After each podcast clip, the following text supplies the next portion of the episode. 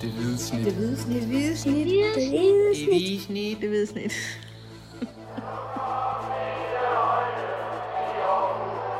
Vores bedste dage, de ligger foran os. Let's fucking go, man! Det hvide snit. Vi er tilbage. Mit navn er Kim Robin Gråhøde. Overfor mig sidder Mathias Masnikar Hansen, tilbage fra ferie. Og en uh, småhæs, uh, Dennis Bjerre. Richter Christiansen. Rigtig Bjerre Christiansen. Du ved godt, jeg siger det forkert med vilje, ikke? det er nok Kim, en, Kim og Robin Hede. Vi øh, skal snakke lidt AGF. Det er jo derfor, vi har, vi har den her podcast, Det Hvide Snit.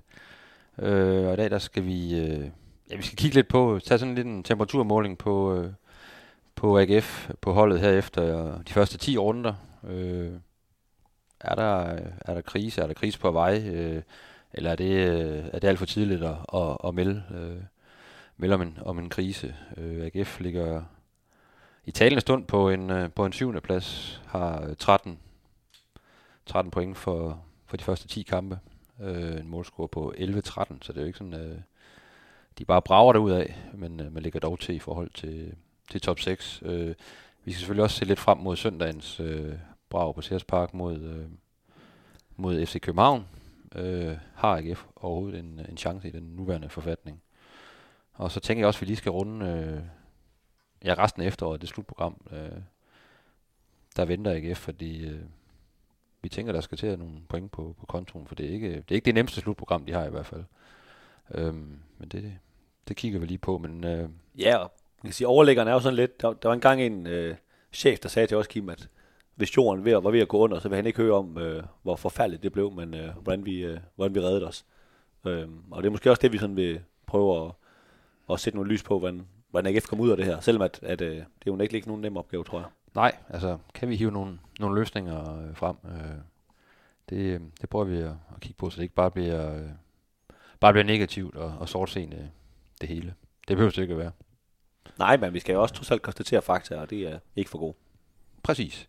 Men lad os kaste os ud i det. Øhm, ja, som jeg lige var inde på, så ligger AGF på en, på en syvende plads, og har, har jo døjt noget med at vinde fodboldkampe øh, i den her sæson. Det er faktisk kun blevet til én sejr i de seneste syv øh, Superliga, Superliga-kampe. Og tager man den her pokalkamp nede på, øh, på Falster med mod, mod Nykøbing FC, hvor, hvor vi var nede, Dennis, du og jeg, og, og dække den. Vidunderlig lang køretur i øvrigt, begge veje. Ja. Øhm, det var heller ikke sådan, at øh, man bare tænkte, øh, wow, en, øh, en omgang, men øh, de vandt trods alt 1-0. Øh, så den kan man jo også tage ind i, i den samlede vurdering, ikke, hvor, hvor holdet er, fordi det var jo et, et, et temmelig stærkt AGF-hold. Øh, Ja, der mødte op dernede. Ja, Jo jo, og så var der jo også, øh, jeg ved godt, går vi helt tilbage, men de her Europakampe mod Brygge, altså, jeg ved godt, de vandt den ene, men de fik da i hvert fald Leicester lige klø i den, i den første. Så ordnet er, er billedet jo ikke sådan rosenrødt, vil jeg sige. men øh, lad, os, øh, lad os kaste os ind i den. Altså, vi kan lige tage en hurtig runde. Øh, er der grund til at, øh, at hejse kriseflaget? Hvad siger du, Mathias? Der er grund til bekymring, men der er ikke krise, nej. Hvad siger du, Dennis?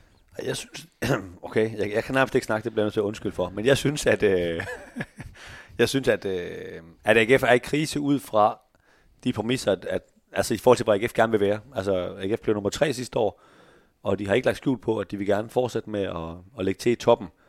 Øhm, lidt udefinerbar definition. De snakker selv om top 6 sådan helt officielt, men, men man fornemmer, når man snakker med folk derude, at, at top 4 er også mere end top 6 og så, og så videre. Ikke? Og lige nu er de rigtig langt væk fra det selskab, synes jeg. Øh, og når de kun har slået Vejle, Hvidovre og Lyngby, de tre seneste oprykker til Superligaen, og de har mødt alle hold, undtagen lige det hold, der mødte Bayern München i, i går, som vi sidder og snakker her, der synes jeg, at øh, det er en lille krise, AGF det er inde i. Altså, jeg, jeg synes, det, det er hårdt at tale om, om, om krise. Øh, og det, øh, ja, det kan, det kan jeg jo vende tilbage til, men jeg, jeg synes ikke, det er en decideret krise. Så, så, skulle, så skulle tingene jo hænge fuldstændig i laser, og, og de skulle have tabt øh, fem kampe i træk. Jamen, er, man, er man kun i krise, hvis man er ved at rykke ned, så eller hvad? Det er netop det, hvad er det for, for nogle parametre, man, øh, man lægger ind over det, ikke? Altså, øh, jeg synes jo sådan, øh, der har været mange point, som AGF godt kunne have fået i nogle af de her kampe. De har spillet mere om, om, om point lige til det sidste i mange af kampene. Jeg ved godt, Brøndby stikker jo lidt ud, men der var, Om også, der- der, der var et rødt kort, der Lad, kom. lad os bare tage ud af ligningen, for der, den, der er det røde kort der, der Ja. ødelægger det hele. Øhm, så det er jo godt at se det anderledes ud, uden at AGF havde, havde nødvendigvis spillet meget bedre, end, end, de har gjort. Så kunne de godt have flere point på, på kontoen. Det tror jeg godt, vi kan blive enige om. Så der er jo, nogle, der er jo i stort set alle kampe, der er AGF jo med ind og spille om, om point, også om mere end det, de har fået, Jamen, fået altså, ud af kampen. Jeg, jeg synes både og, fordi øh, jeg er enig med i Silkeborg-kampen, OB-kampen osv., der mener jeg også, at AGF fortjent at vinde. Men når man så ser på især de seneste kampe i Midtjylland øh, mod, øh, hvem var de mødte den anden dag? Og i Randers, det var der, hvor de får uafgjort til aller, aller sidste AGF. Altså der kunne de jo lige så godt have tabt de fodboldkampe, ikke? Og så har vi lige pludselig talt om, om fire nederlag i træk, i stedet for øh, øh, det vi gør lige nu, hvor de har tabt to ud af de sidste fire, ikke?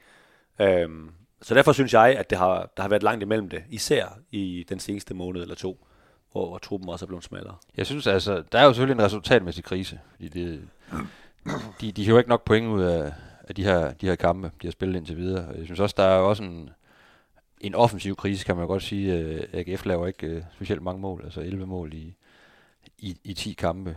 Øh, men sådan decideret at kalde det en krise, når man, når man trods alt spiller mere om, om pointene i de fleste kampe, der, der synes jeg stadigvæk, der er et, et, et stykke vej, fordi øh, kampen i Viborg, der gør de jo egentlig mange ting rigtigt. De har også de chancer, de egentlig har, har efterlyst lidt, i hvert fald. Øh, Felix Beimo har der et par på 100% chancer, ikke?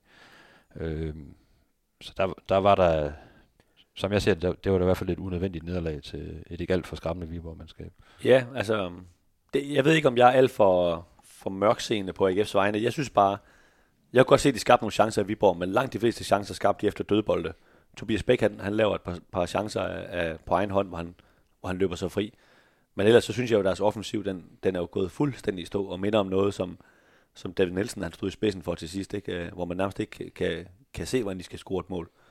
Øhm, det, det er også med i min vurdering af, at, at den her krise, som jeg så kalder det, øhm, samtidig med, at deres, deres defensiv er jo heller ikke, hvad den var i, i seneste sæson, fordi de har mistet et par profiler dernede. Ikke? Når jeg mener, at de ikke helt er i krise, så er det fordi, jeg ikke mener, at de er i krise endnu. Jeg føler, de er tæt på. Og Det er derfor, jeg mener, der er grund til, til bekymring. Fordi for mig at se, der, der er du først i krise som fodboldklub, når du begynder at øh, spille en del kampe, hvor du øh, er udspillet. Det synes jeg ikke, at AGF har været endnu. Øh, men men øh, jeg køber ikke helt den her med, at jeg synes, de, øh, som der er nogen, der, der påpeger, at de har spillet til flere point, end de har. For det har de ikke. Det, det siger stort set alt data også. Øh, de, de, de har store problemer med at skabe chancer. De begår nogle, nogle fejl. De kan kun score på død bolde, og i åbent spil der er det kun Patrick Mortensen, der kan score. Der er nogle, der er nogle helt store offensive problemer. Øh, men, men jeg vil, vil gå så langt som at sige, det kan godt være, at de ikke vinder mod FC København, men hvis de bliver spillet ud af brættet på, på Sears Park, tager jo 3-0 øh, mod, mod FC København, øh, så, så kan man godt snakke om, at de begynder at blive spillet ud, og så synes jeg, at der begynder at være øh, et, et point of no return lige pludselig, og der synes jeg, man kan begynde at tale om krise. Ja, og det ser man jo, det ser man jo tit, øh, når man ligesom ser, altså der er ikke rigtig noget, der hænger sammen inde på banen hos hold, der, der er i krise, ikke? eller folk begynder at slå op i banen, og begynder at, altså frustrationerne bliver åbenlyst, og der interne skænderier og så videre, ikke? Øh, øh, så synes jeg, man, det, det er jo krisetegn, de har trods alt ikke været der endnu. Altså, det virker stadigvæk som en, som en flok, der, der står sammen og, og gør deres bedste, som Urøsle også sagde efter Viborg-kampen, ikke? at spillerne gør virkelig deres bedste. Øh, det var så bare ikke nok i, i Viborg heller, til at få, få tre point. Øh. Men, men det, altså det er jeg enig i. Jeg ser de samme ting, som I gør så. Altså jeg har så måske bare en anden definition af, hvad, hvad en krise er, men, men det er jeg enig i det der. Det, det er slet ikke ligesom de der AGF-hold, vi alle sammen kan nævne øh, de sidste 15 år. Altså det er jo slet ikke der, vi er overhovedet. Nej, som du også selv ja. nævnte, altså øh, det sidste forår under David Nielsen, der kunne du jo ikke se nærmest, hvordan de skulle kunne vinde fodboldkamp. Nej, det er jo der, vi er nu jo. Men, men, men min pointe var så, som jeg startede med at sige, at jeg synes også, at AGF har bevæget sig væk fra dengang, altså måske også før David Nielsen, fra hvor de bør være, også i eget syn. Altså bør være helt oppe i toppen, 3. 4. pladsen. Øh, og kan man sige, ud fra den målestok er de i krise, fordi de kun har kunnet slå de tre formodet dårligste hold i hele rækken. Øh, givet at de så ikke slår FCK på, på søndag. Det vil selvfølgelig ændre billedet en lille smule, hvis de lige pludselig vinder den kamp. Ikke? Der er jo der er et par forklaringer, der bliver, der bliver bragt på banen fra, fra AGF-lejren. Ikke? Øh, ikke undskyldninger, det er, jo, det er et frygteligt ord, men forklaringer. Øh, den ene ting er, at der har været en stor udskiftning i truppen. Øh, det er jo sådan en cheftræner og sportschefer altid kan bruge i forhold til. Øh, nu er der så trods alt spillet 10 kampe, øh, og man kan så også sige, langt de fleste klubber har jo oplevet en, en vis udskiftning i ja, jeg skulle lige sige, hvis man cheftræner ikke har skiftet ja, halvdelen af holdet her. Så jeg synes altid, det, det er altid et vagt argument, ikke? fordi øh, så det der, man, han skal også lige spille sig ind der, og han skal også lige finde sig rette. Ja, ja. Men det er jo en del af præmissen, når man, når man vælger at skifte så meget ud, som, som man også har gjort i, i, i AGF. Man kan så tale om, er der så kommet kvalitet ind i forhold til det, man så har, har sendt den anden vej, og det, det er jo det er også sådan noget, det, det, det måler sig også først over, over tid. Ikke? Øh, og en anden forklaring, skråstrej undskyldning, har været øh, de her skader. Øh, ikke øh, fordi de er sådan i, i hobetal, men øh, som vi også har talt om tidligere, så er der jo øh, nogle ret øh, væsentlige skader, kan man sige, på den, på den kreative øh, boldbane i forhold til en Kevin Jakob, som er ude i lang tid, en, en Mads Emil øh, Madsen, som, øh, som er ude, og en, og en Mikkel Duhlund, der også ude resten af, af efteråret. Det er sådan en, en nyere ting. Han har trods alt spillet en, en del kampe i, i den her sæson, øh, men, men, men har ikke kunnet spille på 100%. Nej, han, han har spillet som en, der var halvskadet, Ja. hvilket jeg tror, han var. Øh, og det er selvfølgelig, det kan jeg godt, det, det, det er fuldstændig validt at, at, at bringe det ind, synes jeg, for det er, det er ret væsentligt i forhold til netop, når man skal kritisere deres offensive spil, og hvorfor de skaber flere chancer, så er det nogle ret væsentlige spillere at, at have på skadeslisten. øh. Så, så den kan jeg godt købe langt hen ad vejen, at det, det er i hvert fald en del af Jeg forklaringen. synes jo, vi skal, vi skal dele kritikken op her, fordi hvis det er Uwe Røsler, vi snakker om, det giver ham fuldstændig øh, ret, eller hvad man skal sige. Ja, du har rigtig svære arbejdsforhold, fordi at du har, som du siger, en smal trup offensivt. Øh, men man kan sige, at Inge Bjørneby, når du så kigger på ham, som er sportschef, så sige, øh, da transfervinduet er lukket, og endda også et par uger før det, der kunne du se, at alle de her tre spillere var skadet. Øh, Kevin Jakob er overhovedet ikke nogen overraskelse, han er, han er skadet så lang tid. Mikkel Duelund har vi også kunne se, lige siden han kom til AGF, han havde de her problemer med sine ankler. Øh, det var en, en operation, der ligesom bare ventede på at ske. Ikke? Mads Emil Madsen er lidt mere øh, fra dag til dag, og det, det var lidt mere svært at forudse. Han spillede de første tre, tre kampe, Ja. altså, og var også med mod, øh, mod Brygge, og så, så har han så ikke spillet de seneste syv kampe. Ja, lige præcis. Og, og det vil jeg så godt medgive, det var lidt, lidt, lidt svært at forudse. Men jeg synes også, at han, han gav Uwe Røster et for, en for smal trup at arbejde med, hvor der, hvor der er alt for få ting, der skal gå galt, eller hvad man skal sige, før det er meget, der ramler. Det samme er jo, hvis, øh, hvis Frederik Tinger han, han bliver skadet i forsvaret. Hvad, hvad gør AGF egentlig, hvis Frederik Tinger han bliver skadet? Øh, Patrick Mortensen for den sags skyld. Og der synes jeg, de har, de har stillet sig på, øh, på en alt for tynd line med de spillere, hvor man siger, at det er også uheldigt, at han bliver skadet. Ja, men, men altså, der er også spillere, der bliver skadet i FCK, og så kommer der en ny ind øh, og leverer varen. Ikke? Øh, det kan så godt være, at øh, Stig Inger, han vil pege, øh, pege længere op og så sige, at jeg har ikke fået penge til mere. Og så må de jo skylde skylden videre på den måde. Men, men jeg synes, det er det helt store problem, at, at truppen er simpelthen for smal i kvaliteten. Jamen, der er vel også noget her i, at AGF jo på en eller anden måde skal polstre sig hen mod de kommende år, hvor øh, der kommer et nyt stadion ind over, og hvor man skal spille nogle kampe på, på Vejlby Stadion og alt det her slags ting, at, hvor, hvor AGF jo bliver ved med at påpege, at vi kommer til at miste indtægter øh, på at, at rykke, øh, rykke derop. Og, og der er jeg ret sikker på, at man, man ikke bare bruger alle de penge, man har fået på Jan Bisek og Thomas T. Christensen, fordi man skal have nogle penge til at kunne sikre sig og polstre sig i de her kommende år frem mod øh, 2026. Og så kan man godt argumentere for, at det er for lidt, han har fået. Men, men jeg var også øh, den første, der stod her øh, i, i sommer og sagde, at jeg synes, de havde lavet et godt transfervindue. Øh, jeg, jeg holder stadigvæk på, at jeg synes, Janis er en, en god backup, men, men jeg har også bare fundet ud af efterhånden, at, at øh, det tager et halvt år at spille under, under Uwe Røsler mange gange. Øh, det er i hvert fald som, som ny spiller på et etableret, øh, i en etableret trup og et etableret system, der, øh, der er der åbenbart behov for tid, for at man kan vende sig til det, Uwe Røsler han gerne vil. Ikke hvis man er Felix Beimo. Undtagen hvis man er Felix Beimo og bare kan løbe øh, rigtig godt, men, men man kan også vente om at sige, øh, har, har Erik Karl og Gif Links fundet ud af, hvordan de skal spille venstre vingbakke nu også. Øh, Men det kunne være, at de bare ikke var gode nok. det er, øh, Det var de jo heller ikke under David Nielsen. det er jeg fuldstændig enig med dig i. Øh, jeg, jeg, øh, jeg vil også sige, der, der, der er nogle spillere, som heller ikke helt har fundet deres, deres fødder endnu, af de spillere, der er kommet ind. Altså, jeg, jeg tror jo egentlig, at vi alle sammen var enige om, at det var et, flot køb at hente Tobias Bæk i sin tid. Exactly. Øh, og det, øh, det er jeg jo egentlig stadigvæk af den overbevisning, at det har været. Øh, da vi, øh, Dennis, stod til en, en træningskamp i Vildbjerg i sommeren, der, der kiggede vi også på hinanden og sagde, ham der Magnus Knudsen, han ser, han ser god ud. Ja. Øh, og øh, da jeg gik ind og, og så i hans øh, statistikker, dengang jeg lavede en, en indledende historie om, øh, om, at han var kommet til, øh, der kunne jeg jo se, at det var en, en øh, total kopi af Kevin Jakob, statistisk set. Men det har han jo heller ikke spillet som. Så der er også nogle spillere, der, øh, der ikke helt har fundet sig til rette på det her hold endnu. Øh, og selvom Men, Tobias Bæk har scoret to gange, så, så synes jeg også stadigvæk, der mangler noget for ham. Det er, Øh, det er nok selv, vil du sige. Altså, Ja. ja. at, at, han er heller ikke helt tilfreds med, men, men det tager også, han har også selv sagt, det tager også tid lige at, at, at vende sig til den måde, som der bliver spillet på under Uwe Røsler. Men, men jeg synes også, øh, man kan sige, Kevin Jakob, han tog faktisk også noget tid, det kan være svært at huske nu, men han tog faktisk også noget tid, inden han rigtig fungerede. Øh, og den, den tid er jeg helt klar på at give både Tobias Bæk og Magnus Knudsen. Jeg synes, de, de er fine spillere. Problemet for mig er, at, at de kan jo nærmest ikke blive skiftet ud lige i øjeblikket, fordi at de bare skal spille alle 90 minutter, ellers så fungerer det ikke. Det er jo det, der er problemet. Altså, der, der, altså det er, jeg synes, det er, det er faktisk en lille smule absurd, at Nikolaj Poulsen og Magnus Knudsen, de bare spiller 90 minutter hver gang. Øh, når, man, når man så Super sidste sæson, så ved man, hvor glad han var for at skifte ud på den der centrale midtbane, for at få noget frisk luft ind. Men han, han stoler bare ikke på dem, der sidder på bænken lige nu. Nej, man kan jo godt, man kan godt diskutere det her Julius Bæk-indkøb, som kommer på sidste dag, som er en leje fra, fra Spezia i, i den italienske Serie A, og øh, det, det er jo en spiller, der har gjort det rigtig godt på ungdomslandsholden og, og alt den her slags ting, men eftersom at han jo ikke engang kommer ind mod Randers øh, på udebane, hvor Nikolaj Poulsen er i karantæne, han kommer i øvrigt heller ikke ind i pokalkamp mod Nykøbing FC, så, må, så kan man bare godt få det her signal om, at han er ikke klar. Det, det vurderer Uwe Røsler jo. Men så er han jo den forkerte mand at hente ind på det her tidspunkt, for det AGF havde brug for i den her situation, det var, at man skulle have noget, der, der kortsigtet kunne kvalificere truppen.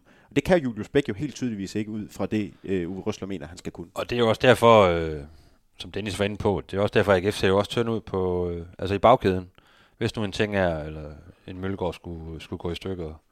Øh, fordi Tobias Anker og Michael Akoto er jo hentet ind, men er jo heller ikke nogen, der, der sådan har, øh, har sparket døren ind endnu. Øh, I hvert fald ikke hos cheftræneren. Øh, Nej. Det, det, det, det er ret tydeligt. Øh, Der, der mangler noget, noget kvalitet i forhold til, til dem, der starter ind. Og det er jo der, AGF har et, et kæmpe problem lige nu. Det, de kan ikke rigtig gøre noget, gøre noget vildt ud fra bænken, som, som kan ændre de kampe, de spiller. Og det, øh, det er jo en udfordring. Nej, de kan, de kan skifte Janis Sager ind på, på toppen. Øh, det, Ja. det, er jo, det er jo der, vi er, og han har jo ikke præsteret endnu. øh, han har stort set ikke kommet til en chance, og de gange, hvor man egentlig har skiftet Janis Sager ind, er det i øvrigt også med en dertilhørende formationsændring. Så man er gået over i en, en 4-4-2-formation, som heller ikke sådan helt for alvor har fungeret endnu. Han startede et nede øh, mod, mod Nykøbing, og kommer til et par afslutninger, og bliver så til synlandet lidt småskadet, eller mærker et eller andet i baglåret, der bliver skiftet ud i, i, i pause. Men der, der imponerede han jo heller ikke mod et, øh, mod et andet divisionsforsvar. Enig. Nej, gjorde han ikke. Øhm, nu snakker vi om de her skader. Kim, jeg ved, du har også talt med Massimil Madsen i dag. Kan du ikke sådan give, lige give en update på, om øh, jeg tror, mange sidder og håber, at han er klar lige om lidt? Jo, altså han er jo... Han spillede jo sæsonens tre første Superliga-kampe, har så ikke spillet de seneste syv, øh, og så heller, var så heller ikke med i, i pokalen, så det er jo, det er jo en del kampe, han, han har misset. Det, det er ankelproblemer, øh, han døjer med. Og det er sådan en, en drillskade, hvor man ikke rigtig kan, der er ikke rigtig nogen behandling, der virker andet end, at han skal simpelthen bare have ro, og så skal det, så skal det hele sig af sig selv. Og man skal sådan mærke efter, hvornår han sådan er klar til at, at komme ud på græs og træne med de andre, og det har han altså ikke været endnu. Og der, der er jo gået mange, mange uger, må man sige, hvor, hvor han ikke har været tydelig ude på fredensfang, og selvfølgelig heller ikke i, i forbindelse med, med kampene. Så det kan være, at om, om 14 dage, så, så er det så godt, at øh, man tænker, at han kan begynde at træne igen, og så kan han jo sådan forholdsvis hurtigt være klar, fordi grundformen holder han jo trods alt ved lige ved, at han er, øh, han er i styrkerum ved eneste dag, og som man også sagde, det, det er jo pænt kedeligt, men øh, jeg får trods alt stadigvæk øh, løn, ikke? Så, så, han, og, så han, han holder sig jo i gang, og især på, på kondicyklen, den er han blevet ret glad for, eller i hvert fald, den bruger han i hvert fald meget. Øhm, så det kan jo være, at om, om 14 dage, så kan han være i spil, men det, der kan også gå... Øh, det kan også være resten af efteråret, og så, så vurderer man ligesom, at så, så gør vi ham klar frem mod, mod foråret. Men det er sådan en, en skade, hvor, hvor der er ikke nogen, der ved rigtig øh, sådan en tidshorisont, og det, det sagde han også til mig, det er, jo, det er voldsomt frustrerende. Det er noget andet, hvis du har et eller andet, så ved du, så, så er du klar om øh, en forstrækning, så er du klar om, om to uger eller sådan noget. Det ved han simpelthen ikke her. Så han går virkelig som en løven i et, i et bur, og ham kunne AGF jo virkelig godt bruge lige nu. Det er, nemlig, det er nemlig interessant, det du siger der, fordi de har jo hentet en ny midtbandspiller det her vindue i, i Magnus Knudsen. Han var jo erstatning for en skadet Kevin Jakob. Hvem var så erstatning for Massimil Madsen? Øh, det var der jo ikke rigtig nogen, der var. Så øh, nu nævnte du tidligere det her med, at, at Magnus Knudsen og, og Nikolaj Poulsen, de spiller, øh, de spiller hver gang, øh, men jeg vil også gerne måske være den, den første her til at sige, at jeg havde måske forventet mere. Jeg troede af, af Magnus Knudsen, jeg troede, han var mere dominerende inde på banen, end han var. Jeg ved godt, han kommer fra Norge, og der må vi også efterhånden sige, at der har godt nok været en del øh, spillere fra, fra den norske elitserien, som på den ene eller den anden måde ikke har præsteret. Og Han kommer så i Norge, fra Norge i det forstand, at han var lejet dertil fra russisk, øh, russiske råstof, øh, som han jo i øvrigt stadigvæk er ejet af. Men han, han er, jeg, jeg, jeg var inde og kigge på, på nogle statistikker, som, som jo i virkeligheden bare viser, at han er, han er, han er faldet meget igennem på det, han var god til. Han var god til at, at aflevere bolden op på den sidste tredjedel. Han var god til at skabe de her guldbolde, øh, og dem er der ikke kommet så meget af øh, fra, fra Magnus Knudsen. Øh, han har markant færre afleveringer, som er fremadrettet, end han havde i Lillestrøm i Norge. Han har markant færre afleveringer op på den, den sidste tredjedel, som er et enormt vigtigt parameter. Fordi hvis ikke det er Magnus Knudsen, der slår afleveringer op til den sidste tredjedel, og fremadrettede afleveringer, hvem er det så på det her AGF-hold? Jamen, det er jo ingen. Så når han ikke lykkes med at slå de her fremadrettede afleveringer, de her afleveringer, der kan skabe noget, så er der ikke andre, der kan gøre det på AGF. Og det er Magnus Knudsen ikke lykkes med nu. Jeg, jeg synes også, når øh, det vi snakkede om, da vi så ham i Vildbjerg, og også da jeg så ham i andre træningskampe, det var det her, de her små rum, hvor han, hvor han var rigtig god til at spille i, og spille hurtigt, og, og have et godt overblik osv. Øhm, det synes jeg, vi har set mindre og mindre af. Øh, Jeg kan huske Hvidovre-kampen, der, der lykkedes han med det nogle gange, øh, blev, og AGF blev farlig på det og sådan noget. Men når jeg husker tilbage på de seneste kampe, så husker jeg ham egentlig meget mere som en mand, der bare løber utrolig meget, og det skal han jo have ros for, men, men sådan det med spil med bolden, det, det, det faldt lidt fra ham, synes jeg. Enig. Øhm, og så, jamen AGF er jo ikke farlig i, i åbent spil. De, de er endimensionelle øh, endnu.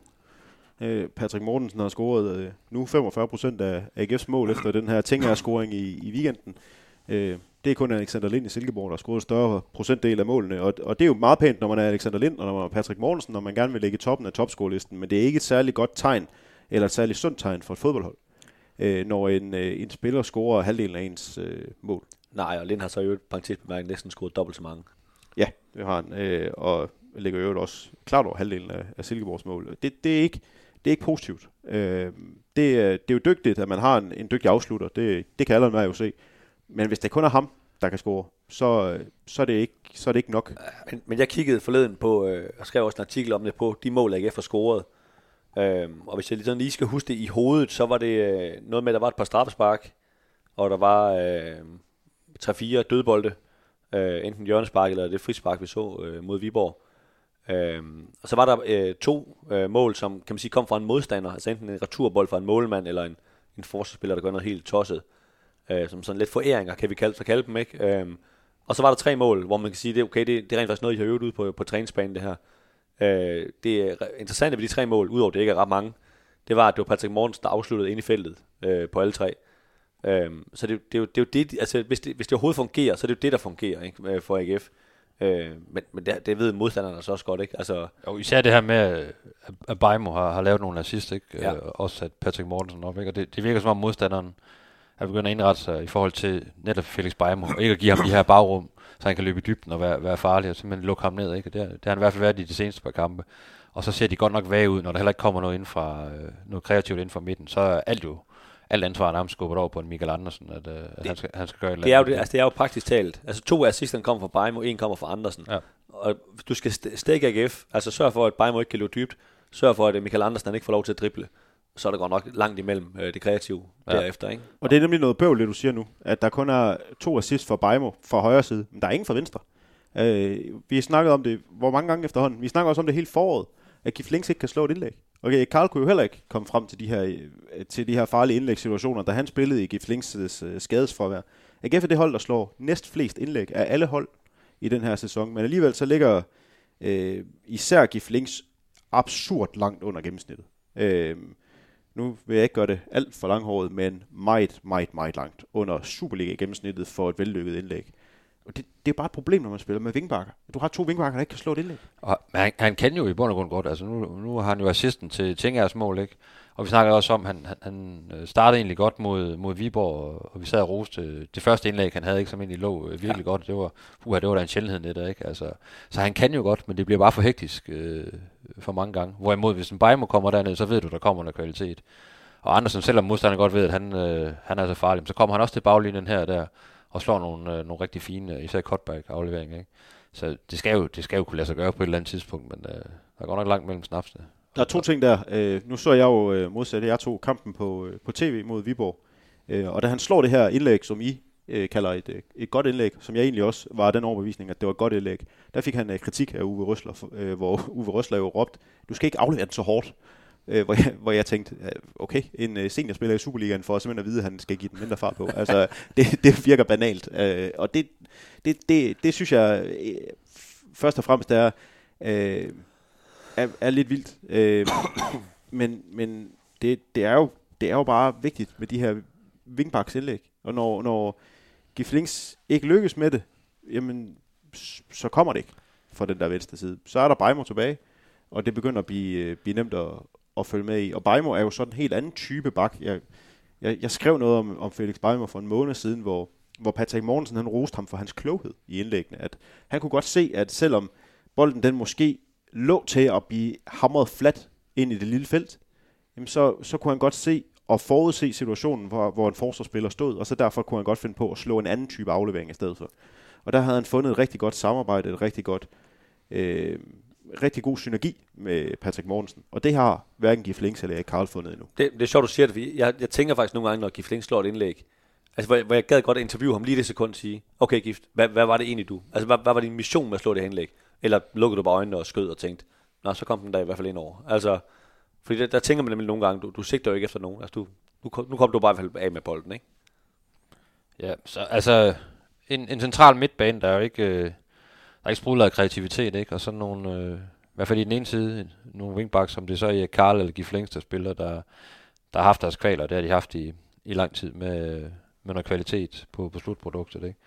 Og så, ja, en, en Bajmo, der, der mere og mere bliver lukket ned, ikke? Så, øh, så kan man altså godt stikke øh, AGF rimelig meget. Øh, hvis vi lige skal runde det her af med, med krisesnakken, altså kan vi blive enige om, øh, nu er vi ikke sådan helt på bølgelængde, men, men alligevel, jeg fornemmer alligevel, at vi er, vi er sådan lidt det samme sted, at man er på vej hen mod en, en krise. Man er i hvert fald, jeg går med til, at man er i en pointmæssig krise. Øh, og spillemæssigt, der er man på vej i den retning, for det, bliver, det har set det slapt ud de seneste par kampe, ikke? Ja, altså jeg tror, vi er enige om, at, at det bliver dårligere og dårligere spillet, men, men det er ikke sådan nu, at, at de bliver udspillet, eller hvad man skal sige. Nej. Og, og problemet lige nu er jo, at der er ikke udsigt til at få nogle af de her spillere, som Uwe Røsler rigtig, rigtig gerne vil have ind på holdet. Altså en, en Mads Emil Madsen, en, en Kevin Jakob og en, en Mikkel Duhlund. Altså de, de kommer højst sandsynligt ikke øh, til at spille nogle af dem øh, resten af, af, efteråret. Altså Mikkel Duhlund og Kevin Jakob gør med sikkerhed ikke, vi ved ikke helt med Mads Emil Madsen, men det virker jo utænkeligt, han, øh, han når at komme Det er i hvert fald ikke de kommende kampe, han spiller. øh, rigtigt i gang. Ikke? Og det, det må man jo bare forholde sig til i, i trænerteamet, at, at det er sådan der, og så skal man jo så finde nogle, nogle løsninger i forhold til, at det er Magnus Knudsen og Nikolaj Poulsen, der, der skal styre slaget inden for midten, og, og så videre, ikke? Og, og være gode til at sætte, sætte flankerne op. Ikke? Og der, er- ja, igen, der er meget, der ligger meget ansvar på Michael Andersen. Øh, det er der slet ingen tvivl om. Øh, Jeg, jeg tror, at AGF skal indstille sig på, øh, det kan godt være, det lyder sådan lidt fattigt, men, men det, den skal skrabes hjem til, til jul, tror jeg. Altså stå øh, ret godt i, i defensiven, øh, forsøge at spille til 0, og så øh, satse på, på nogle af de her dødbolde, som de faktisk er ret gode til, øh, at de ligesom kan give noget gevinst. ja, Øh, og så skrabe pointer hjem på den måde. Altså bare erkende, det, det bliver ikke flot her i efteråret. Det gør det simpelthen ikke. Altså, og så, øh, så synes jeg, de har et arbejde i, i vinterens transfervindue med at virkelig at forstærke truppen, øh, hvis de rent faktisk skal op og lege med i noget fjerdeplads-agtigt halløj. Ikke? ja. Men prøv lige at tænke tilbage, ikke? Prøv at tænke på dengang AGF de startede i 2023. Øh, var, var, var det spil så meget bedre end det, vi ser lige nu? Forskellen var, at de vandt kampene. Jeg kan huske den der blæsværskamp op i, Å- i Aalborg, hvor Michael Andersen scorede direkte på hjørnet. Og dødbold, ja. Øh, derefter så, så spillede de 1-1 mod Silkeborg og bliver fuldstændig kørt ud af CS Park. Det var den, øh, den ringeste kamp i, i min overbevisning øh, med, med Uwe Røster som cheftræner for AGF.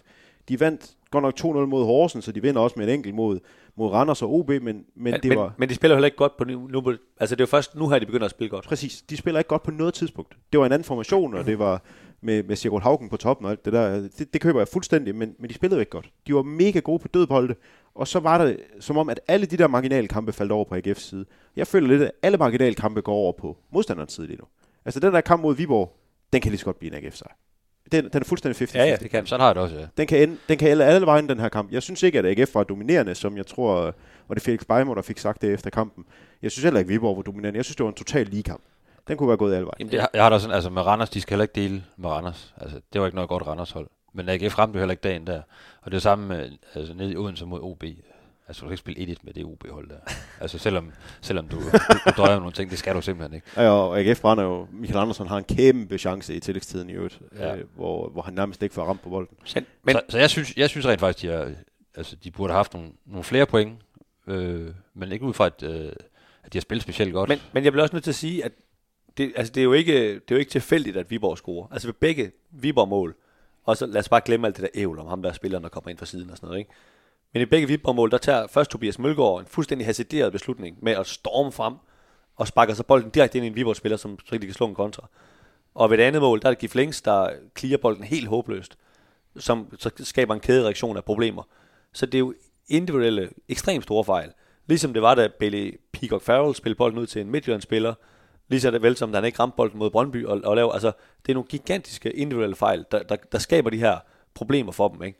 Og så må man bare sige, som AGF er lige nu, når de først kommer bagud, så er de virkelig svært ved at, øh, at komme tilbage i en kamp. Altså, Ja. de, øh, det er sådan er det måske for de fleste hold, men de har det bedre med ligesom at komme foran, og så kan de stå og spille på kontra. For så har de stadigvæk et godt hold. Men det der, når de skal åbne et hold, det har de virkelig svært ved. Og det er jo, altså det kan man jo isoleret se, der kan man sige, det er jo faktisk nogle små krisetegn, at der begynder at snige sig så mange individuelle fejl ind. Ikke? Jeg synes, som hold er, er attituden jo fin og sådan noget, ikke? men den der usikkerhed, der, der er ved den enkelte spiller i nogle, nogle enkelte momenter, som så koster, øh, øh, koster mål. Ikke? Det, er, jo- det er jo små krisetegn her og der på, at, at der er et eller andet, der ikke er helt, som det skal være. Ja. Ja. At der er nogle spillere, der ikke er helt trygge i de der situationer. Ikke? Og det, det så man for eksempel ikke så meget i, i foråret, hvor jeg ikke får rigtig godt kørende langt hen ad vejen. Ikke? Øh, der, der var ikke de her personlige fejl. Øh, måske lige mod slutningen af, af foråret, ikke? Men, men ellers ikke. Jeg synes, der er noget andet, der godt kan være et krisetegn, det er, at AGF simpelthen afslutter deres angreb for hurtigt. De har ikke tålmodighed nok og, og tro på nok til, at de kan spille det til en farlig chance. Øh, de har faktisk tredje flest afslutninger samlet set. Kun FC Midtjylland og FC Nordsjælland der har flere afslutninger, men næsten halvdelen af deres afslutninger er uden for feltet. Øh, fra steder, som maksimalt giver 5-10% scoringssandsynlighed og alt det her med, nu ved jeg godt, ikke? man må gerne afslutte for felt, uden for feltet øh, en gang imellem, men, øh, men, men når det begynder at blive næsten halvdelen af ens afslutninger, der er fra positioner, hvor der er lav scoringssandsynlighed uden for feltet, så har du et problem. Det er det, er det, det, er det hold, der har tredje flest afslutninger uden for feltet. Det er kun Randers og, og FC Midtjylland, der har en højere procentdel. Randers og FC Midtjylland kæmper også med deres. Øh, jeg, jeg synes også, det er en eller anden form for en tegn på en spillemæssig krise, når, når man ikke længere øh, har, har muligheden og evnerne til at få bolden tættere på mål, før man afslutter. Jamen, jeg synes, det, det, der understreger det, jeg ved ikke, om du var på vej til at sige det, men det er jo, det kan godt være, at de har tredje flest antal afslutninger, men de har jo allerfærrest, det havde de i hvert fald før den her runde, det man kalder store chancer. Og her skal jeg undskylde mig med, at, at jeg ved ikke, hvad en stor chance er, men det er Opta, statistikbanken, der ligesom definerer det. Det gør jeg, men det Øh, kan vi tage om lidt. Ja, øh, og, det, og jeg havde endda sagt, at vi hører heller ikke at høre det. Det giver jo sig selv en stor chance, og de har færrest af dem i hele Superligaen. Det betyder, at de, at de bliver nødt til at spille chancerne større, for ellers er der bare ikke særlig stor sandsynlighed for, at man scorer på dem, når man, når man afslutter. De her store chancer, de bliver udregnet efter Kim Robins yndlingsmetrik, øh, metrik, øh, expected goals. Og, øh, og det er... Jeg, jeg er faktisk lidt i tvivl om, hvad Opta vurderer som en stor chance, om det er en chance, der går ind øh, 25 eller 30 procent af tiden. Men det er i hvert fald der omkring. Jeg er ret sikker på, at Wisecout, som jeg bruger mest, har det omkring øh, øh, 30 procent, altså øh, 0,3 xg eller derover. Dem har, øh, dem har Michael Henderson haft en af øh, i hele sæsonen. Vi har snakket om, at han måske har været den, øh, den bedste offensiv spiller sammen med Patrick Mortensen. Han har haft en stor chance, det var den her, jeg nævnte før mod OB, hvor han brændte på det, på det skamligste. Omvendt, så er han den spiller med næstflest afslutninger i Superligaen. Det er kun Ibrahim Osman fra FC Nordsjælland, der har flere. Ja, man kan godt lide at skyde ud fra. Ja. Han sparker udefra hele tiden. Og det er fra steder, hvor der er meget, meget lav scoringssandsynlighed. Og han gør det jo tit, hvor man sådan kan se, at han er tydeligt frustreret og så videre, og Ja. slår lidt ud med armene og sådan noget. Og man kan ligesom godt fornemme på ham, at det er bare i afmagt, det han foretager sig lige nu, ikke? Og bare lige for at understrege det, han er den spiller med fle, del flest afslutninger fra distancen i den her sæson. Det burde Michael Andersen ikke være. Det synes jeg ikke.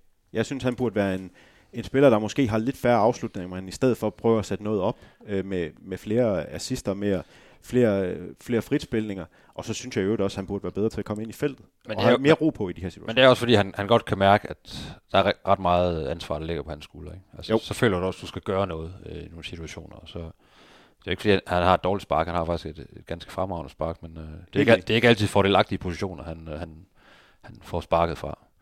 Men Skal jeg, vi ikke... synes, Øh, jeg synes jo, øh, og nu, nu ved jeg godt, jeg laver en vanvittig sammenligning, men, men Lionel Messi, ham fra Argentina, som vi måske har hørt om, altså det er jo en af de ting, han er god til, når, det er det der med, at han, altså han, han tager jo lige nogle gange det der træk, der gør, han så får en endnu større chance, i stedet for bare at, at afslutte for et eller andet vanvittigt vinkel. Ikke? Altså det der med, med at gøre det nemt for dig selv, og det, øh, det synes jeg er en af løsningsmulighederne for AGF, ligesom at, at, at man skal spille de her chancer større, i stedet for... Det tager vi lige nu, for nu øh, konkluderer vi lige, Fedt. at øh, AGF er, er ikke sådan fuldstændig i kris, men de er, vi, vi ser mange tegn på, at de er på vej ind i, øh, i, øh, i farlig farvand. Kan vi, ikke, øh, kan vi ikke blive enige om det? Det er vi enige om. øh, på, alle, på alle de her parametre med point og, og det spillemæssige. Og så tænker jeg nemlig, som vi, som vi indledte med at, at sige, vi, vi vil gerne prøve at komme med nogle løsninger. Hvad, hvordan kan, kan AGF arbejde sig ud af det her med de, med de spillere, der nu engang er til rådighed på nuværende tidspunkt? For det hjælper ikke noget at blive ved med at snakke om dem, der ikke er der. Det er jo det er dem her, det er de andre, der skal spille kampen. Ikke? Øh, og løsninger, jeg tænker, hvis jeg skal komme med den første, så var, vi har allerede været inde på det, men det er jo, det er jo dødbolde. Det her med at, vi kan jo se AGF med ting her, men Patrick Mortensen er rigtig skarp, øh, også en Felix Beimo, øh, er god til at komme frem til chancer, især på anden stolpe. Kom frem til Det er så ikke altid, han sparker ind, men han er, han er faktisk god til at opsnappe de der muligheder.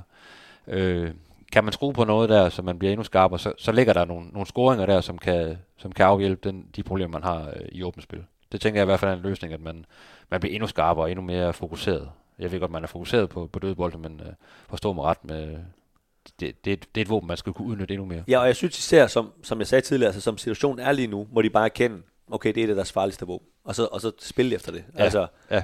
Selvom jeg ved godt, det lyder til u, lidt usekset og sådan noget, men, men, men sådan er det bare nogle Ja. gange, ikke? Og du kan ikke gå ind og lave en Magnus Knudsen og Nikolaj Poulsen om som fodboldspiller i forhold til, nu skal du begynde at, at lave nogle, nogle lækre ting eller afdrible tre modspillere. Det, det siger sig selv. Men jeg tænker sådan en spiller som Tobias Bæk, øh, der er der så meget potentiale i ham, at kan man få forløst noget af det og give ham øh, endnu mere selvtillid, så, øh, så kan der også ligge nogle mål og nogle, nogle offensive aktioner at vente, øh, vente der. Fordi vi, vi så det jo mod, mod hans tidligere arbejdsgiver Viborg, ikke? At, øh, han kan jo godt noget på egen hånd.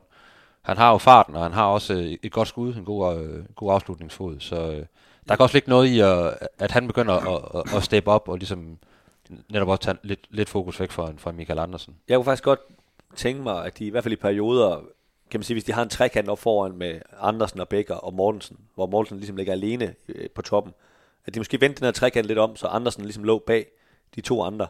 Så han ligesom lå på frontlinjen og kunne, kunne bruge sin hurtighed, ikke? For han er jo faktisk ret hurtig, og han er ret øh, målsøgende. Øh, men det er nogle gange lidt svært for ham, fordi han ligger ligesom lidt tilbage, så der er jo lidt langt til, kan man sige, at komme, komme fri af, af modstandernes forsvar, ikke? Men hvis han ligesom får lov til at ligge der på offside-grænsen, og, og løbe fra nogle af de her forsvar, det, det, øh, det kunne jeg godt tænke mig at se, om, om, om det kunne give noget for ham. Fordi det, det synes jeg, det var der, vi så ham være farlig i Viborg, når han ligesom fik lov til at løbe. Øh, fordi så er han faktisk svær at styre. Øh, øh, det synes jeg egentlig også er en, er en løsningsmulighed. Øh, Det er faktisk, der er helt enig, for jeg synes, netop tit mod Viborg, der får han bolden for langt op på, på Viborgs banehalvdel, så han skal til at mosle med, en, med et par, par modspillere for overhovedet at, at blive retvendt. Ikke? Altså, hvis man kan skubbe ham lidt mere frem i nogle situationer, og så medspillerne, de, de er helt med på, at det, det er der, vi skal finde ham. Og, og, og måske er overskriften bare igen, altså keep it simple. Ikke? Altså, AGF er ikke et sted lige nu, hvor, hvor det skal være øh, vildt kompliceret, og, og det skal være op til et eller andet lærebog, som Pep Guardiola, Pep Guardiola har skrevet. Altså, nogle døde bolde, øh, de simple midler med at løbe fra de andre osv., det, det er der, de er lige nu. Øh, men der har de faktisk nogle spillere, der, der, der kan den slags ting der, ikke?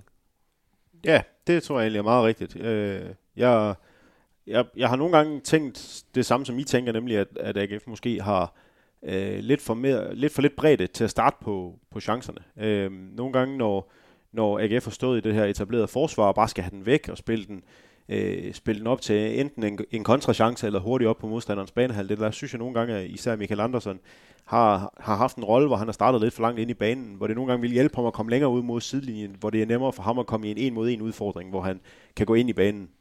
Øhm, øh, det, det kommer ikke til at skade den bredde, som vingbakkerne er i- det her tilfælde, og formentlig resten af efteråret, Gif Links, han kommer til at skabe. Øh, fordi han, han er jo ikke kommet derop endnu.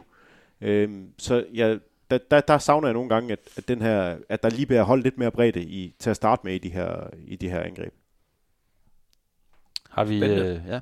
Er der flere løsninger øh, på bordet? Altså, Nej, jeg synes bare, vi skal have det oversat til tysk, og så levere det til Hugo Ja. Røsler. Jeg tænker også det der med at måske skrue endnu mere på, på de fysiske parametre. Altså AGF er jo et fysisk stærkt hold, og der er nogle rigtig dygtige presspillere, også offensivt faktisk, der, hvor man måske kan, kan tvinge modstanderen til at, til at lave nogle flere opspilsfejl, så man, man får nogle nemme mål. Øh, det er der i hvert fald nogle modstandere til AGF, der, der har haft held med at, at få nogle nemme mål af den vej. Det, det er jo også nogle gange en, en måde at komme til nogle, nogle nemme åbne chancer. Ja, at de der store personlige fejl, de, øh, de er svære at skrue på. Altså, de, øh, de kommer sgu en gang imellem, og det, øh, det, det, det, det kan du ikke... Jo, man kan godt træne sig ud af det, tror jeg, men det handler i virkeligheden bare om, hvad det er for nogle typer, der står nede i dit forsvar. Men, men, men man, kan jo, man kan jo opsøge det mere ved at, ved at tvinge modstanderen til at, at blive mere presset, ved at, måske ja. nogle gange at lægge presset endnu højere op. Ikke? Så ved jeg godt, det er jo meget den samme start 11, man, man kører med, så Urøsler er også nødt nødt til at dosere med, med kræfterne, øh, fordi Magnus Knudsen og Nikolaj Poulsen bliver jo også trætte. De kan jo ikke bare køre i det samme Men- tempo men- 90 minutter. Men du kan jo også mindske din egen personlige fejl ved, for eksempel, som de har gjort de seneste kampe, ikke at spille den ud nede bagfra. Fordi der, der får lavet trods alt flere personlige fejl ved at begynde at spille den ud nede bagfra. Ja. Ikke? Øh, og der synes jeg faktisk, at han har taget konsekvensen. Det er så fordi Jesper Hansen har stået på mål måske, det ved vi jo ikke, får vi ser på søndag. Men hvor man siger, okay, det dropper vi. Det skaber for mange problemer for os, så må vi lige blive bedre til at spille ud nede bagfra, når vi har en uge på, på Mallorca til vinter. Ikke? Men det er klart, det afler jo også usikkerhed, når du først du har lavet de der fejl i, i et par kampe, ikke? så begynder man måske at, at ikke tro så meget på det der med, er, er vi virkelig så gode til at spille den op, ikke? Så, så man skal også passe på, at det ikke, øh, ja, det ikke, øh, det ikke bliver for meget. Og det, der har de jo netop draget en konsekvens ved bare, væk med lortet. Ja. Fordi øh, det skal vi lige væk fra, det der. Så kan vi arbejde tilbage mod det på et tidspunkt, når vi... Øh, Og det, og det er jo, altså fodbold er, det er jo simpelthen også så simpelt spil nogle gange, at, at lad os nu sige, at AGF sp- spiller ekstremt simpelt på søndag mod FCK, lykkes med at vinde et eller andet sejr, hvor alle er enige om, det var satan med heldigt. Men det giver bare en masse selvtid. Så lige pludselig, når de så skal spille den næste kamp, når de kommer tilbage fra, fra landskabspause, jamen, så er der en anden selvtid på, og så, og så tør de måske noget mere og så videre. Sådan er fodbold jo også indrettet, ikke? Altså, om, om man skal, der hvor AGF er lige nu, om det så hedder krise eller ej, men det ligger lige og balancerer der, der, der skal de have de små sejre, ikke? og så, øh, så kan de bygge på derfra. Ja, og der kan, der kan en rigtig grim kamp nogle gange være, være det, der gør, at det bliver, det bliver pænt at se på efterfølgende, ikke? Netop. Fordi det giver noget mentalt. Ja, og det, og det synes jeg jo, det eksempel, du nævnte tidligere med, med foråret, ikke? Hvor, hvor de egentlig spiller et par grimme kampe, øh, men får, får vundet de fleste af dem, og så lige så tror de da på. Vi, er- det er nok, vi er faktisk pisse gode. Vi kan faktisk blive dansk mester. Øh, bildte de os alle sammen ind på lige på et tidspunkt der i, i foråret. Ikke? FCK-kampen på, øh, på søndag kl. 20.00 på, på Sears Park. Det børnevenlige tidspunkt. Ja. Øhm, sådan i forlængelse af det, vi lige har snakket om, altså har det her AGF-hold i den nuværende forfatning, har de overhovedet en chance mod et hold, der, der var meget, meget tæt på at få point mod, mod Bayern München her i går i, i, i Champions League? ja du, du, sætter Det det et på spørgsmål. du sætter det på spidsen, når du spørger sådan der. Ja, det gør jeg. Øhm, jeg synes jo tit, jeg hører, øhm, at AGF faktisk har haft godt styr på FCK her de seneste øh, mange år. Øhm, jeg har egentlig lidt svært ved at forstå den. Altså jeg kan godt huske, de vandt i parken i, var det 2020, øh, 4-2 og så videre, og de vandt også 1-0 på hjemmebane, hvor FCK's målmand smed den ind i mål og sådan noget. Men, men i virkeligheden har, F- har AGF jo faktisk ikke slået FCK i rigtig lang tid. Øh, de har fået en uafgjort her og der, øh, blandt andet også i, i seneste sæson. Men jeg synes jo faktisk, at de generelt har det ret svært mod, mod FCK. Øhm, og det kan jeg jo helt objektivt set ikke se, hvorfor de ikke også skulle få på, på søndag. Øhm, man kan sige, jeg synes, at AGF's muligheder, det er det her med at virkelig gøre det simpelt. Acceptere, at øh, jamen lad bare FCK have bolden. Det, det gør ikke noget. Øhm, det er også en af de ting, at AGF faktisk, har faktisk haft bolden rigtig meget i den her sæson. Øh, 55 procent øh, af tiden, det, det ligger rigtig højt i, i Superligaen. Og det tror jeg ikke nødvendigvis sådan, som de spiller lige i øjeblikket, er en specielt god ting faktisk. Altså, lad bare øh, FCK have lidt bolden, og så, øh, og så være lidt mere kontrabaseret og så videre, det, det har de nogle okay spillere til, øh, Michael Andersen, Tobias Bæk og så videre, og Felix Beimo, til at spille på de her kontra. Øh, så det, det vil jeg sige, æd, æd stoltheden lidt øh, på hjemmebane, og så, øh, og så, og så spille sådan lidt, øh, lidt, lidt, lidt simpelt. Det tror jeg er muligheden. Og så selvfølgelig FCK spillede i tirsdags mod Bayern München, ikke? Altså, deres fokus er lidt et andet sted. Det er selvfølgelig også en, øh, en, øh, en fordel for AGF. Så det handler om en erkendelse af, at øh, det her nu er et, er et bedre fodboldhold, der kommer på besøg på, Ja, på Sears 100%. Park, og så, øh, så skrue en gameplan øh, sammen ud fra, ud fra det. Og det er jo igen det der meget med, med omstillinger, og så øh, komme frem til nogle døde bolde, hvor man, øh, hvor man så kan slå til. Jeg var noget overrasket, da, da jeg tidligere i dag øh, kiggede på, øh, på de chancevurderinger, som oddsætterne har lavet. De har vurderet, at der er cirka 30% chance for AGF sejr. Det synes jeg godt nok var voldsomt. Øh, det, det må jeg godt nok erkende. Øh, jeg, øh, jeg har faktisk FCK som noget klare favoritten det, også selvom de er de defensivt har, har haltet øh, i de, de seneste kampe. Øh, øh I hvert fald i, i Superligaen. De, de, øh, de var for nemmere at blive overløbet mod, mod øh, Midtjylland senest. Øh, Brøndby også, øh, har også lukket tre ind mod, øh, mod Silkeborg. Der er, nogle, øh, der er nogle defensive ting, der ikke helt fungerer for FC København lige nu, men jeg er ikke sådan helt sikker på, at AGF bare lige kan, kan overrumple deres defensive kvaler. Øh, jeg har øh, FCK som rimelig klar favorit.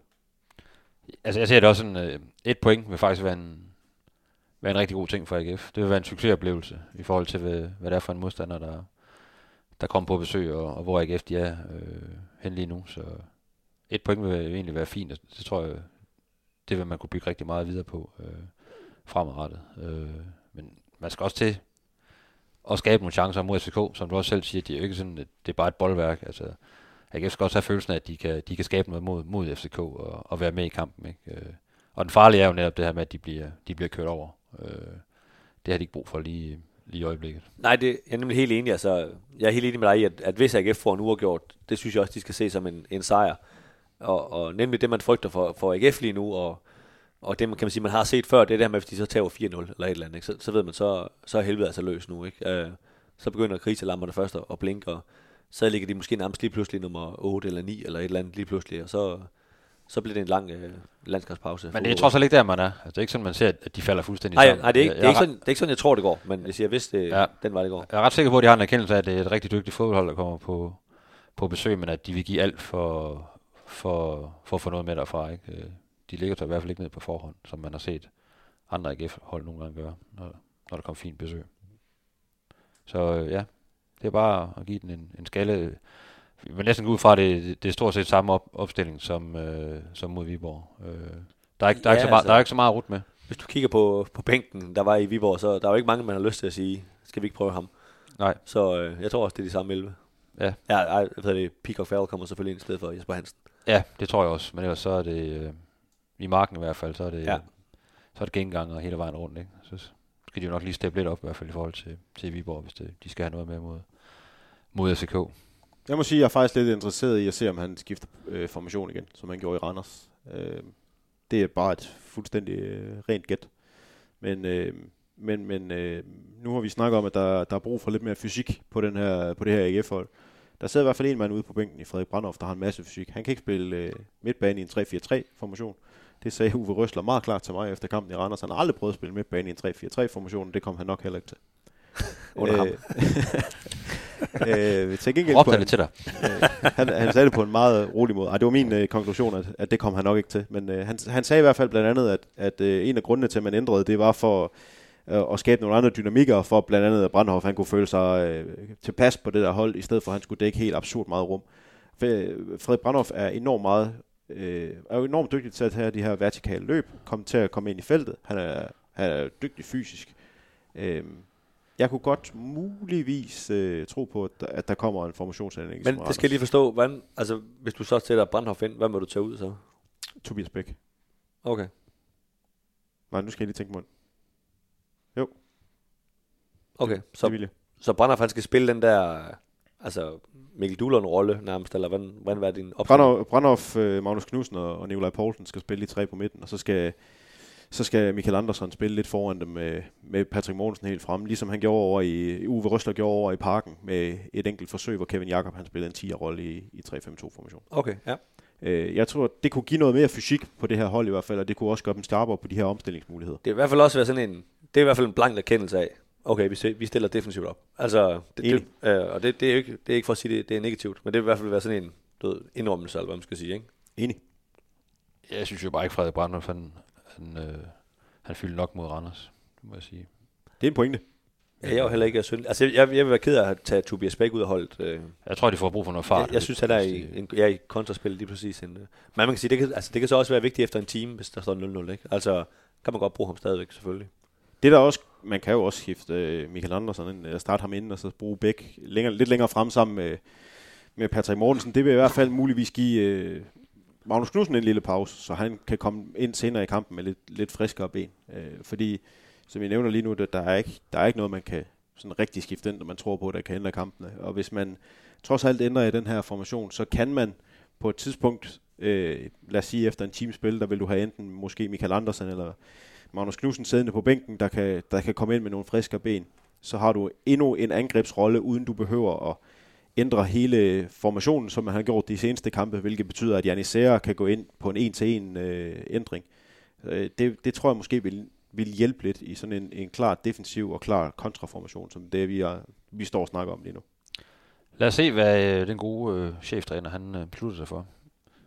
Nu skal vi lige, øh, her til sidst, så skal vi lige øh, runde øh, slutprogrammet, synes jeg. Øh, fordi efter den her omtalte hjemmekamp mod, mod FCK, der venter der jo så seks kampe øh, i det her efterår i Superligaen.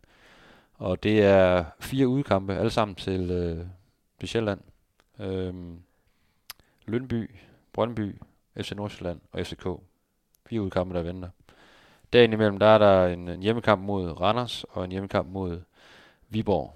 Øh, Ja, som man jo lige har tabt til, og man lige har spillet uafgjort. Men, men rådet herfra skal være- at vinde sine hjemmekampe der. Det lyder, det lyder lidt svært, det program, synes Ja, jeg. ja, det lyder voldsomt, når man lige sådan, ja. øh, og netop også sat ind i kontekst i forhold til, at man, man, er, man, er, man er røget ned på, på syvende pladsen, og øh, der er kommet et lille hul op til, til det her, til de forreste hold og sådan noget, ikke? Det er jo ikke sådan, at det, det er bare fuldstændig selvlysende, at AGF kommer til at hente en, en masse point på, øh, i hvert fald ikke på, på udebane, øh, og heller ikke umiddelbart på, på søndag jo. Ej, det er klart, de, Øhm. de tre udkampe, som ikke er, er Lyngby, det er jo nærmest det sidder overraskende, hvis AGF overhovedet får noget med hjem. Ja. Øh, på nogen måde for de kampe. Øh, Lyngby-kamp, altså Lyngby øh, gør det jo godt øh, på, deres måde. Øh, en lige kamp, kan man sige. Ikke? Øh, og så er det de to hjemmekampe, som, hvor AGF selvfølgelig er favorit, ikke? Men, men ja, det kan da godt være svært at, at, at komme i top 6, når vi, øh, når vi holder jul. Det, øh, Ja, det, det lugter i hvert fald af, at man, øh, man skulle have, have fuld gevinst på de her hjemmekampe efter, efter FCK-kampen ikke? Mod, mod Randers og, og, og Viborg, og så, øh, ja, så, er det, så, så er det svært på, på udebane. Altså med, med Brøndby, FC Nordsjælland og FCK jo, i tre af de sidste fire kampe inden, inden vinterpausen. Så man, ja, som du siger, man kan godt risikere øh, at, komme ind i foråret med et rigtig dårligt øh, udgangspunkt, fordi man har ikke lige øh, Vejle videre over et par, et par billige øh, øh, hjemmekampe her inden, øh, inden vinterpausen.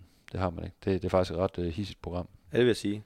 Øh, og til og med skal de jo også til Ishøj i øh, pokalturneringen, så der, der er også en del uh, ture med, med Molslinjen, de får, de får kørt her. Og Ja, de kommer der rundt omkring i, i de københavnske. Ja, det vil jeg sige. Og får spillet noget, noget bold. Skal vi lade, lade det være ordene for den her gang? Det synes jeg. Vi har, vi har sagt rigeligt, tror jeg. Så, så Vi ser skal vi, ud og hvad- se Viby mod Hvidovre. Ja, held og lykke med det. Øh, Du skal ikke med, eller hvad? det kan det godt være. Det ser jeg lige på. Ja. Øhm, vi siger... Det skal de overveje. Øh, vi siger tak for den her Også, gang. øh, der er Rigsvangen på lørdag også, mod Barmad mod AB. Ja. ja. Starter med Spilmand inden for videre, så er vi godt med. Det kan vi jo se på telefonen lige om lidt. Ja. Ja. Nå, men det høres jo heller ikke kedeligt med. vi, øh, vi siger tak for nu, og øh, vi er tilbage søndag med en øh, det hvide snit slutfart efter øh, AGF's øh, opgør mod FCK.